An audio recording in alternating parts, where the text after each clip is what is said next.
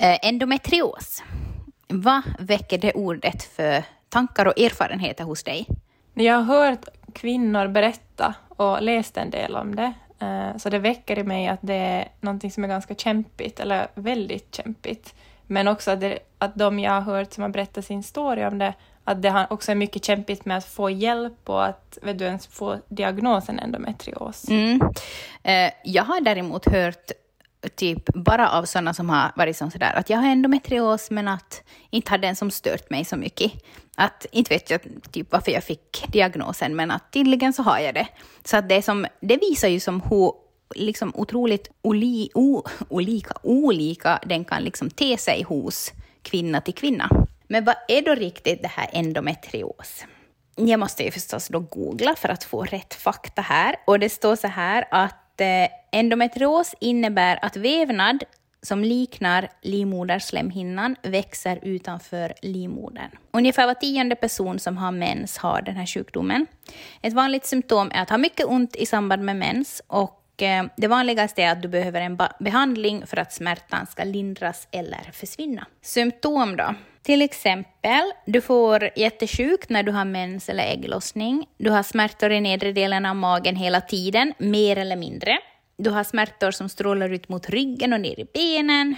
Du har smärtor långt in i slidan och i magen när du har samlag. Du kan också ha symptom som liknar urinvägsinfektion. Du kan känna dig eh, kissnödig ofta eller ha svårt att komma igång och kissa. Och listan fortsätter. Och eh, jag känner så här att det här är ett jätteviktigt ämne att prata mer om. Att alla de också symptomen som du berättade också är ju som, just som vi redan sa, det varierar. Så, alltså det är så många olika saker och alla kvinnor som har det har liksom, lider av så olika symptom och i olika grad.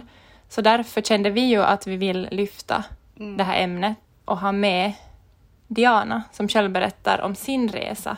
Mm, precis. Och eh, Diana som eh, Eh, faktiskt gästar oss här senare i det här avsnittet, så hennes symptom började ju redan när hon var tonåring. Men hon, hade, hon visste inte då att det var eh, liksom en sjukdom hon hade, utan de bara avfärdade med att det är normalt när man har mens att ha det så här. Ehm, Diana berättar också om deras resa till att bli föräldrar, som tog en lite kanske ovanlig start i och med att en läkare sa åt henne att om ni har funderat på att bli föräldrar så borde ni börja på så snabbt som möjligt. För att tydligen så kan chanserna att bli gravid spontant vara mycket lägre när man har endometrios. Och i vårt samtal med Diana så berättar hon ju just om den här resan som inte var så jättespikrak sen heller, före de fick sin dotter. Mm, precis. Den kantades av utomhavandeskap och IVF. Men nu ska vi sluta att babbla själv och eh, nu får ni höra Dianas erfarenhet av endometrios.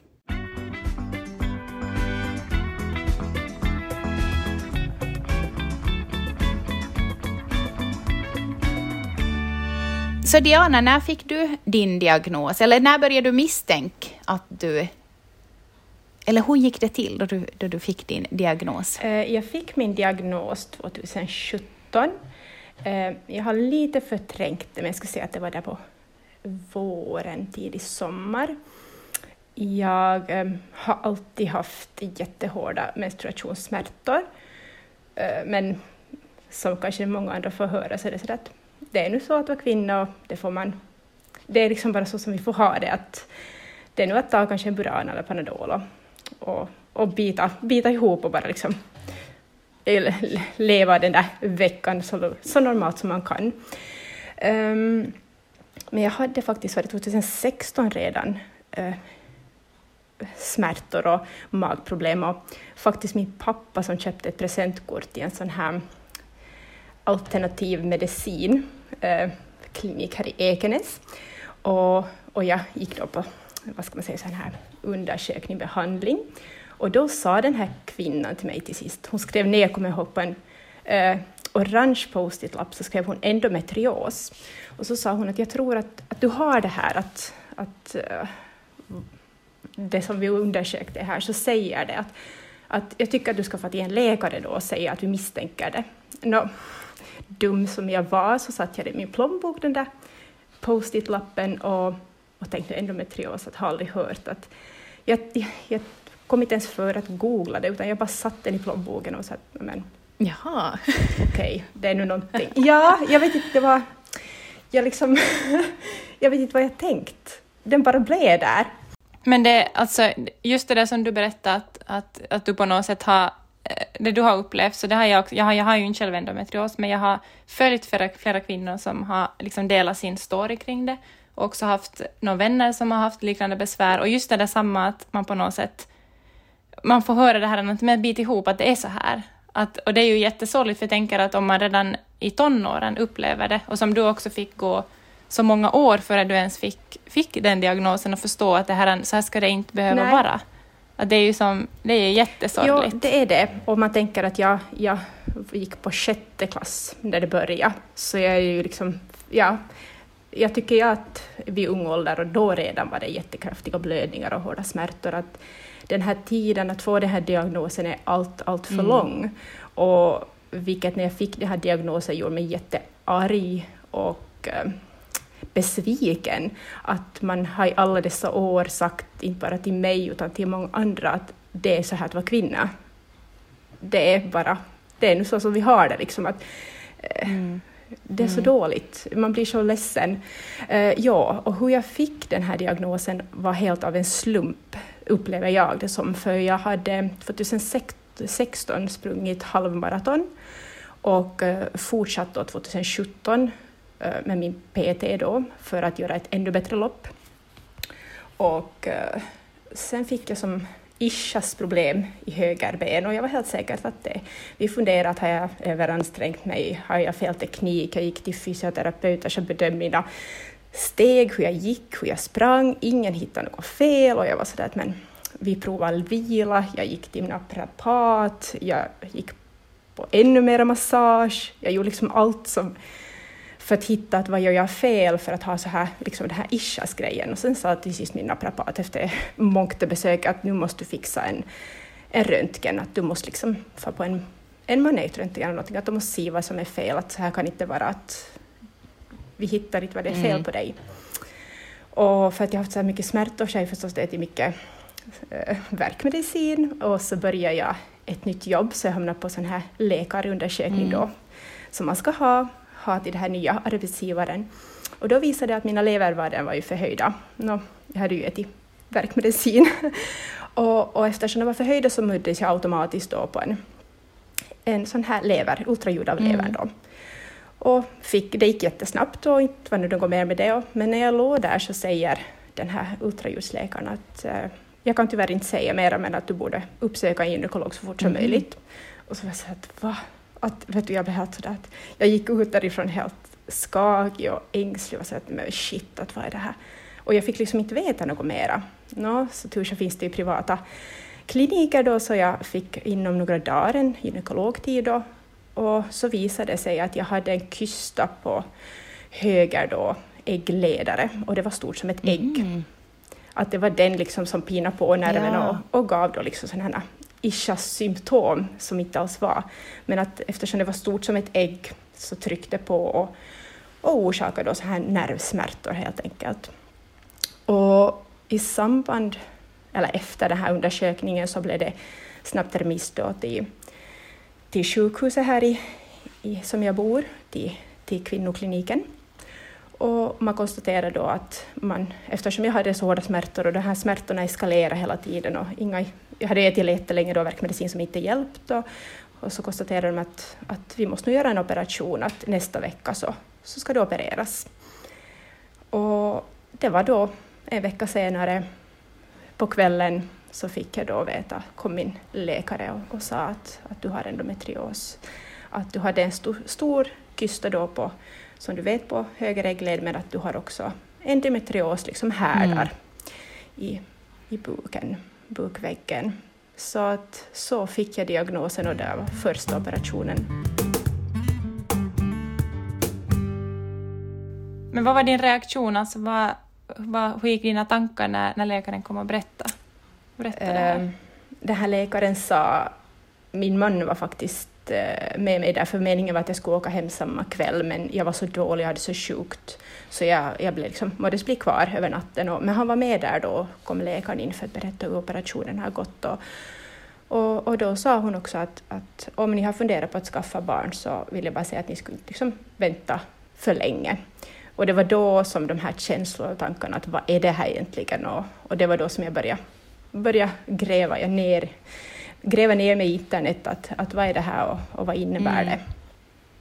Ja, så att rädsla, oro, ängslan, förtvivlan, tillika som du har en diagnos men du, du får ingen annan information, du, ingen säger någonting eller berättar eller eh, ger någon sorts, uh, vad ska jag säga, vart du kan vända dig för att få stöd och råd, utan du blir bara där lämnad. Mm. När jag har pratat om endometrios med väninnor, eh, liksom bekanta och också när jag liksom läser om det på internet så, där, så tycker jag att många säger just det här att läkarna är så här att att du kan ha svårt att bli gravid. Eh, just det här att om ni funderar på att eh, ni vill ha barn så ska inte ni vänta så för länge och så här. Ehm, hur var det för er då sen? Var det som att ni fick panik då och tänkte att nu måste vi direkt här? Var ni som redo för ens de här tankarna? Eller hur, hur gick det? Hur gick liksom den resan? Var det som att det påbörjades på något sätt en ny resa då, där i rummet och att ni blev tvungna att börja tänka på barn, eller var det någonting som ni hade redan funderat på? Eh, nej, det var nog en, en tanke som vi började fundera på och diskutera, för att det hade inte funnits där riktigt. Nej, vi var inte liksom där av, liksom, av naturliga skäl, så var inte vi på den Nej. banan. Så det var nog att börja fundera, att, att vad är det tillika som hon sa, det, att vänta inte allt för länge, att eh, vad betyder ja, det? exakt, är det månader eller år? Ett ja. år. Ja, att, att bara en läkare säger så, så det... Jag kommer ihåg nu, jag ser det där rummet framför mig och bara låg där och tänkte att vad fan, att borde vi liksom nu direkt, vet du, om ett år, att, att vad var det där snart? Det är jättesvårt att få ett grepp, plus att det var så mycket annat nytt som man hade fått liksom bara fått veta då, plus att man just hade vaknat upp från operation, man var drogpåverkad, man hade lite ont. Det var så mycket att ta in. Det var, men det var, ja, alla känslor på en och samma gång.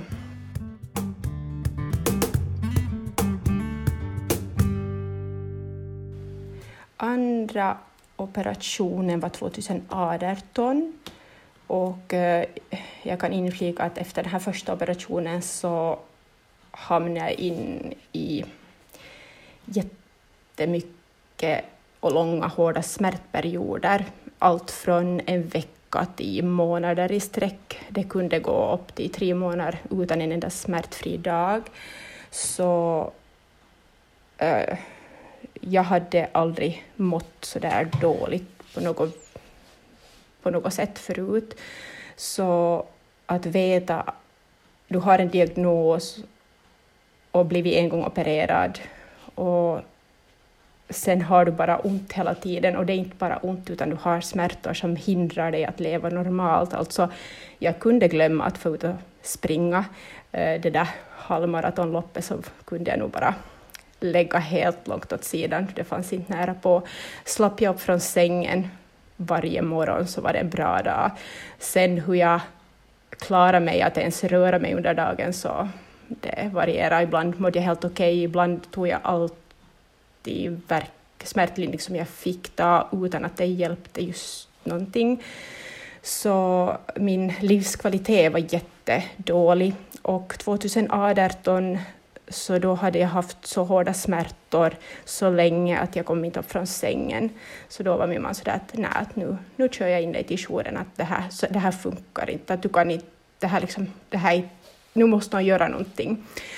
Uh, hade nog uppsökt säkert jouren flera gånger, jag kommer inte riktigt ihåg alla gånger, just på grund av att jag, jag, jag, jag kom inte bara helt enkelt upp från sängen.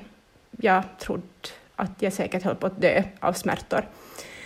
Uh, och, och där fick, tack vare min man då som stod där och, och, och kunde hålla, föra min talan, för jag klarade ju inte ens av att, att prata, så måddes de ju ta in mig sen till sist, för det, de, han, hans, liksom, han de, de var tvungna att göra det för han, han stod upp för mig så mycket. Och, och sen kom det, så låg jag väl några dagar inne utan att de gjorde så mycket. Men sen fick jag ett jätte jättehårt smärtskov och eh, det blev nästan lite sådär akut för de funderade att ha, vad är det som händer? De tog ultraljud men de blev inte liksom säkra på att vad, vad är det på gång nu? Att, var det någon uh, sån här vridning av en äggledare eller en äggstock? Att det var allt diffust så det blev en akut operation då andra gången. Och uh, ja, när jag vaknade upp från den operationen så då hade jag fått veta att uh, jag hade sammanväxningar och jag hade igen haft en kysta då mm. som hade liksom tryckt på, som också hade orsakat orsaka de här hårda smärtorna. Att det var nu igen endometriosen som, som hade gjort nya kystor helt enkelt. Och, och det som är med de här kystorna kan ju vem som helst ha och de kan ju spricka och gå sönder och man kanske inte märker det men att det här var liksom så stora att eh, och de låg på sådana ställen tryckt på att det var de som orsakade smärtan. Så ja, det var, det var andra operationen och då tänkte jag att kanske, kanske få tillbaka min livskvalitet nu då. Att, att um, då måste ju bli en förbättring någonstans. Att det kan ju inte fortsätta så som det har varit senaste året. Men eh, nej, nej, nej. Det var en lång resa kvar som inte jag visste att stå och vänta, vilket var lika bra för jag vet inte om jag skulle ha fixat det, men jag skulle ha vetat allt som väntade. Hur var det, alltså jag tänker de här smärtskoven och den här smärtan som du beskriver, alltså det här kanske är en jätte som, låter som en dum fråga, men alltså var, alltså hur, hur var den här smärtan? Är det, var det som, eller är det som mensvärk vet du upphöjt i, i tusen eller är det mer som vet du, förlossningsverk eller som är det i hela kroppen eller är det bara vet du, nere i nedre magen? Eller? Det, vi har, vi har ett barn, så jag har varit med om förlossning och jag, har, jag tog ingen verkmedicin och att förlösa ett barn vaginalt är ingenting jämfört att ha endometriosmärtor i mitt fall. Så, men, så att få ett litet perspektiv på det. Um, det är nog liksom, åt mig har det varit så att det har börjat kanske som menssmärtor då, att man har nu tyckt att man är lite svullen och det är nu lite sjukt och ömt, men sen eskalerar det och det gör det snabbt, har det gjort i mitt fall. Att det kan vara så att jag känner lite av det så vet jag inom några timmar så, så är hela buken, alltså jag ser ut som att jag skulle vara höggravid. Äh, magen liksom bara sväller upp. Äh, jag har haft tryckandes, knivhuggande, brännande smärtor på båda sidorna. Eh, sen är det här intensitet, nej vad är det Intensiteten. intensiteten, tack, varierar. Men att um, ja, det är liksom alla smärtor som jag bara kan känna på en och samma gång.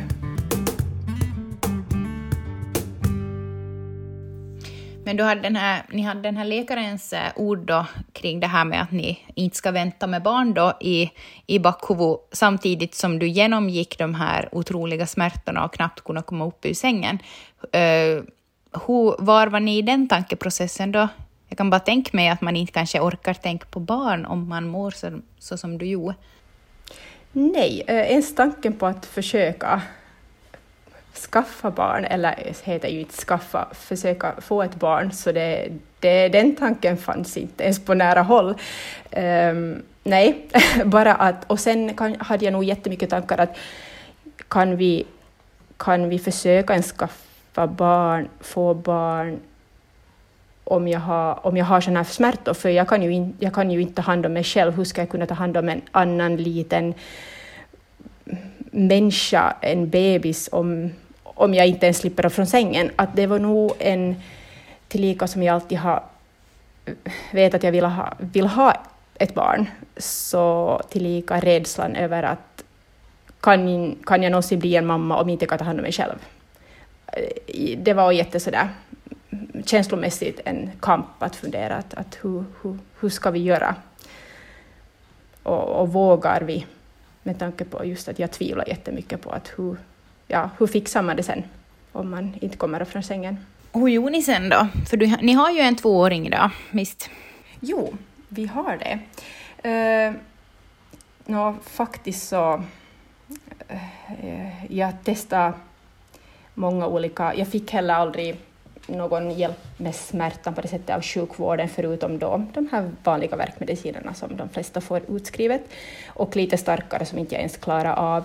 Så jag har testat allt möjligt. Jag har gått på medi mediyoga, jag har, vilket hjälpt lite, men akupunkturen liksom var min räddare. Att jag hamnade gå flera gånger i veckan, men det var det, det, var det som hjälpte mig, som fick min smärta att lite lindras.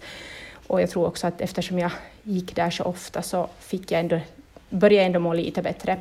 För vi hade ändå försökt en tid att, att det går inte, att kanske vi borde prova IVF, men vi blev spontant gravida faktiskt 2019. Uh, eh, vilket var ju helt ljuvligt. Men den glädjen var ganska kort, för jag fick sen då ett missfall. Det var runt påsken. Och jag blev så dålig att jag bara låg. Jag kom knappt upp. Så det blev ett nytt besök sen då, tisdagen efter påsk, till sjukhuset och då märkte de att HCG, HCG stiger, men HB mitt sjunker ännu mera. Att jag måste då komma in på ett ultraljud. Och tyvärr så sa de bara att vi vet inte vad som händer, att, att vi måste skicka dig då till, till Lojo. Så det blev att åka till Lojo och eh, där blev jag sen akut opererad för utomkvedshavandeskap vilket var då nära på att, att spricka just före. Att skulle inte jag då ha fått den hjälpen så då skulle, jag, då skulle det ha gått eventuellt riktigt tokigt. Så där var det, den, där låg man sen igen på, på Lojo sjukhus eh, kvinnokliniken, så heter det här M2 heter avdelningen, som är i samma avdelning som förlossningsavdelningen. Så det var ett hårt slag i ansiktet att um, ligga där och, och höra bebisar som skriker och sköterskor som kommer in och säger att, att om du ringer på och inte kan komma så är jag i förlossningssalen så du får vänta. Så det var, det var tungt. Um, så då miste jag förstås eh, den äggledaren som utåkvedshavskapare hade då fastnat i. Och eh, så fick jag också veta att de hade, hade bränt en massa endometrioshärdar kring bukväggen. Jag hade endometrios, endometrioshärdar fast i tarmen och så de hamnade liksom ta, ta loss då. Eh, det förklarar också varför jag hade haft, haft sjukt när jag gjorde nummer två, men jag hade nu man hade ju så sjukt överallt, men det, det var, förklarar ju saken. Och sen fick jag också det beskedet att jag hade, eller har, endometrioshärdar eh, också kring urinblåsan som man inte vågar bränna för att man är då rädd att, att förstöra urinblåsan, så man kunde inte ta bort allt.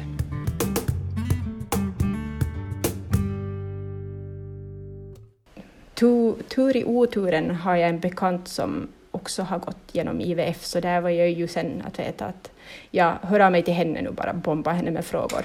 För jag vet att hon, man, jag får bomba henne med frågor.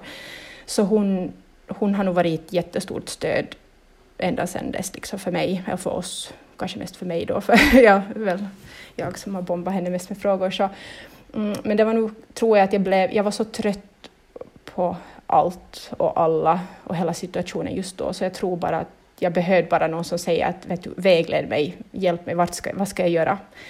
Så vi gick då den här vanliga vägen, alltså kommunala vägen då uh, genom IVF då, att, att föra via då Helsingfors. Och, och vi var ända dit, eh, men bemötande där och upplevelserna där så för mig var det ingen, jag var sådär att jag fixar inte det här, jag fixar inte att någon säger att jag ska köra in på ett blodprov till Helsingfors den här tiden, den här dagen, bara för att jag inte kan ta det närmare. Eh, någon som säger... Det kändes bara som att jag var, vi var en könummer, en kölapp och de bara ropade in och ut och, och så sa de att du ska vara här då och då. Det, var, det gick så... Det bara gick undan. Det kändes som att det fanns inte liksom det här mänskliga, känslosamma, det var allt bortblåst. Det var bara in och ut och nästa och, och det kändes som att de sa säkert samma sak till alla. Så jag var bara så att jag fixar inte det här känslomässigt och jag är bara trött på sjukvården och personalen att nej, att nu, nu har jag bestämt att nu får vi privat. Att jag, jag, jag sa det till min man att det är nu det för det här fixar inte jag. Och ett samtal till Åbo faktiskt, i en privatklinik. Och under det samtalet tog 20 minuter och vi fick en plan gjord. Eh, jag fick uppskattade datum på alltihopa, jag fick recept på mediciner och jag var bara så här, varför inte vi gjort det här tidigare? Att, att då, då, då började jag få hoppet tillbaka, att kanske det här går lite lättare än... Kanske det nu är slut på alla motgångar och nu kanske det löper på lite bättre. Och var det då liksom för att de verkligen typ såg dig då? Och hörde liksom ja. dig och dig som människa? Jag tror det. För den här läkaren, hon... Ja, jag tror att det var det, att hon såg, såg mig och hon såg oss som individer och som ett par som ville ha livets största gåva. Men hur var det, var det någonting liksom speciellt på grund av endometriosen inför det här IVF eller var det som en helt vanlig IVF eller var det någonting ni måste som förbereda inför eller hur, hur, liksom, hur gick det till? Ja, det gjorde det nog, för när hon undersökte mig första gången så sa hon, och det kändes som att hon var första läkaren som sa hur det faktiskt är, som sa att, att eh, ja, efter undersökningen så sa hon helt enkelt att eh, det borde lyckas men tyvärr så, så ser det inte bra ut. Hon menar då på just av alla endometrioshärdar och hur, allt att det kommer säkert att kan, kan vara en kamp att, men att hon, hon ska göra sitt yttersta och att, ja, hon förberedde oss tillika på att det här kan vara många år framför. Mm, men tillika sa hon också att, att hon lägger in högre doser av alla de här hormonerna man skulle ta och att hon vill ändå börja med, med lite högre än vad kanske normalt börjar med just på grund av, av hela situationen och, och hon visste min sjukhus, sjukhistoria och, och så. Så att eh, li, kanske, jag vet ju inte hur det normalt går för, för sådana som inte har endometrios som går genom IVF, men jag fick lite en sån bild ändå att, att hon kanske la in just lite högre hormondoser för att se till att, att det skulle finnas lite ägg att plocka faktiskt. Och, eh, tillika informera Tillika informerar hon också att, att eh, det, för det visste jag faktiskt inte, eller den informationen hade jag inte heller tagit reda på, att, att har du haft en gång utomkvedshavandeskap så är risken jättestor att du får det igen. Så den informationen fick jag också då av henne.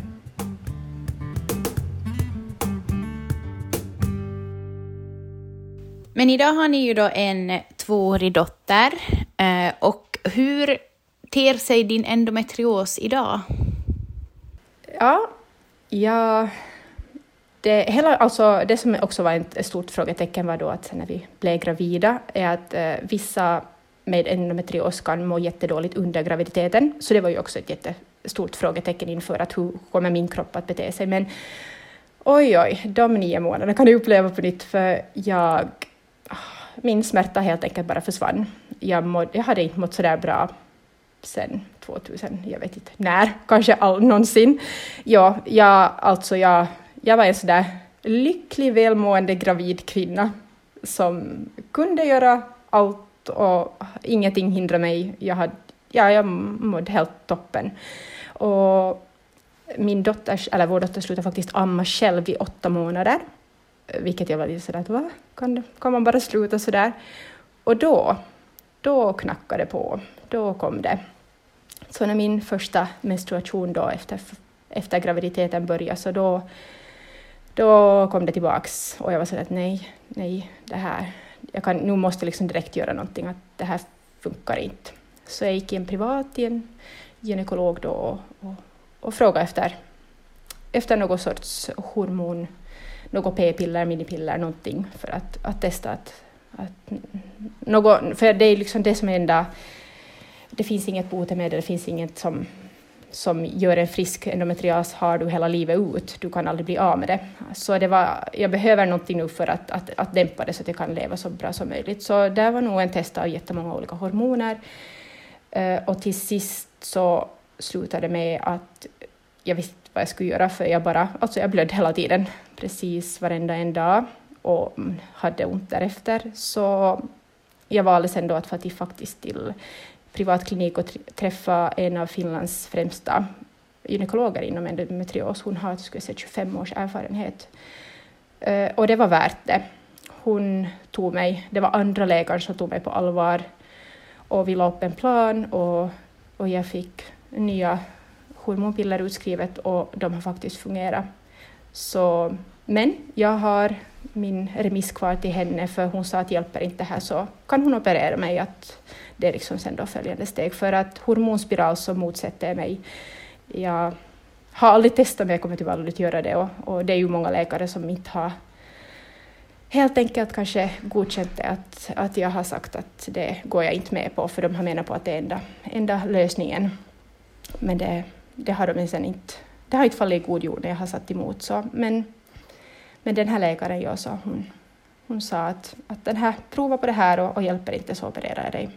Men som tur har inte jag behövt fundera på det ännu.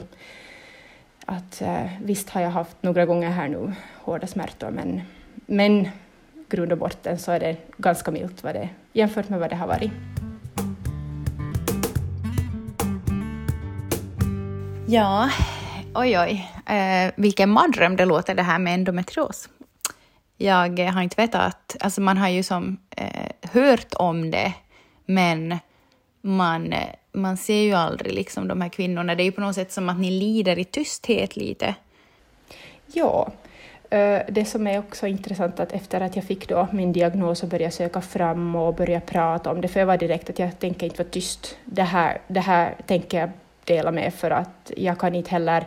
Jag, jag la ut korten till mina kollegor, till min chef, för att eh, det är ingen vits att dölja det. De ser att man mår dåligt, man ser att man har sjukt, så lika bra att bara berätta. Och då fick jag höra att ja, men att eh, den har ju den diagnosen och, och den här har det här samma diagnos, att då börjar det komma fram via sådana som nu berättar att ja, det här är nog en sjukdom som vi lever i, i, i tystnad med och jag tycker att, och det har jag försökt ändra på det sättet att jag har varit öppen med det och, och vill ändå prata om det och på något sätt öppna, öppna upp att det är ingen vits att vara tyst och, och hålla det för sig själv.